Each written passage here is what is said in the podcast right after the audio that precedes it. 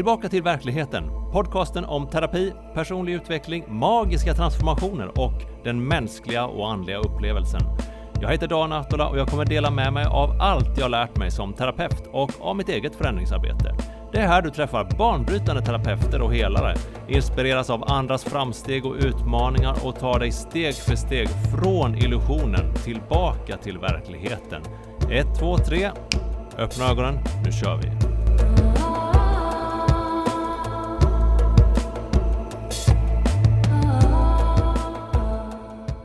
Rädsla gör oss mer uppmärksamma på det vi är rädda för och annat vi kan vara rädda för eftersom rädslan fungerar som ett eh, inre alarm.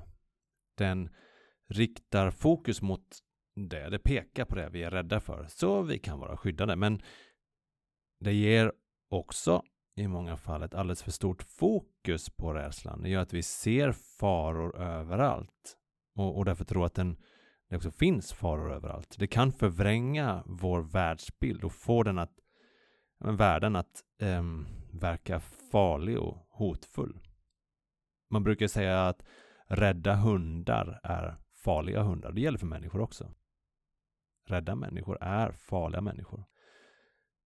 Den som ständigt är rädd är mer benägen att slå först och fråga sen för att överleva. Att roffa åt sig från eh, andra eller att ta mer än man behöver för att överleva.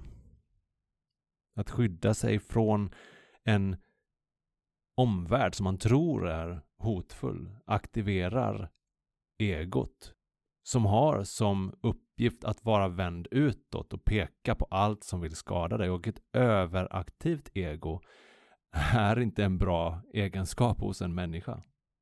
Speciellt inte i en värld där vi inte bara har möjlighet att söka mer samförstånd, samarbete och gemenskap. Det har aldrig varit så här lätt. Men vi måste också göra det nu för att finna en lösning tillsammans på framtida kritiska situationer. Men egot, det säger ju sköt dig själv, skit i andra. Och det är därför vi måste bekämpa rädslan för, ja, men för en bättre värld. Och vi kommer aldrig kunna besegra rädslan genom att kämpa mot den eller slåss mot den, utan jag föreslår ett radikalt annorlunda tillvägagångssätt. Älska den. Tacka den. Omfamna den. Den är trots allt där för att den vill skydda oss, men många gånger så vet den bara inte bättre. Vi vet bättre. Vi kan bättre. Och vi vet att vi inte behöver vara rädda. Rädslan är rädd. Och det den kan göra det är att, att, att få oss att känna rädsla. Vad behöver den som är rädd? Bli sedd, tröstad, kramad, få trygghet, kärlek. Och då kan den slappna av och vila som ett litet barn i famnen på sin mamma eller pappa när det fått gråta och skrika och blivit mött och sedd i det. Bekräftad som att jag vet att du finns och det är bra nu. De här tankarna kom till mig efter att ha man lyssnat på vad andra säger och vad som rapporteras i nyheter med tanke på hur de senaste två och ett halvt åren varit fyllda av av rädsla överallt och all den rädsla som kablas ut, inte bara genom media och bland den större delen av befolkningen om hur vi drabbas av ett ondskefullt mördarvirus och hur vaccinet är den enda frälsningen, utan också fruktan för Big Pharma och de osynliga sällskapen som egentligen bestämmer över världen.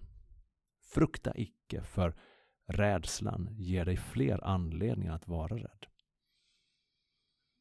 Det innebär inte att du ska blunda och låtsas att allt är kalas, utan se nyktert och klart på din verklighet, men inte genom rädslan, för den grumlar din blick och ditt omdöme.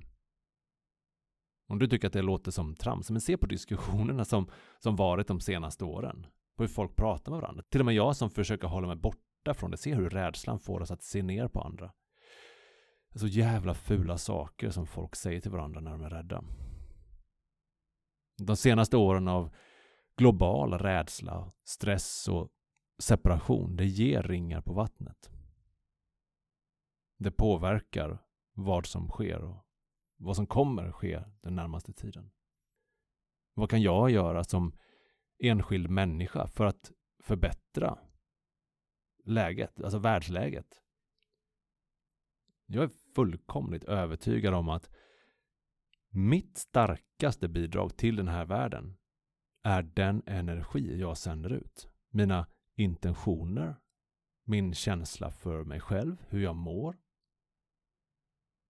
Om du vill uppleva mer kärlek på jorden, var kärlek. Ge kärlek. Mer glädje. Var glädje. Ge glädje.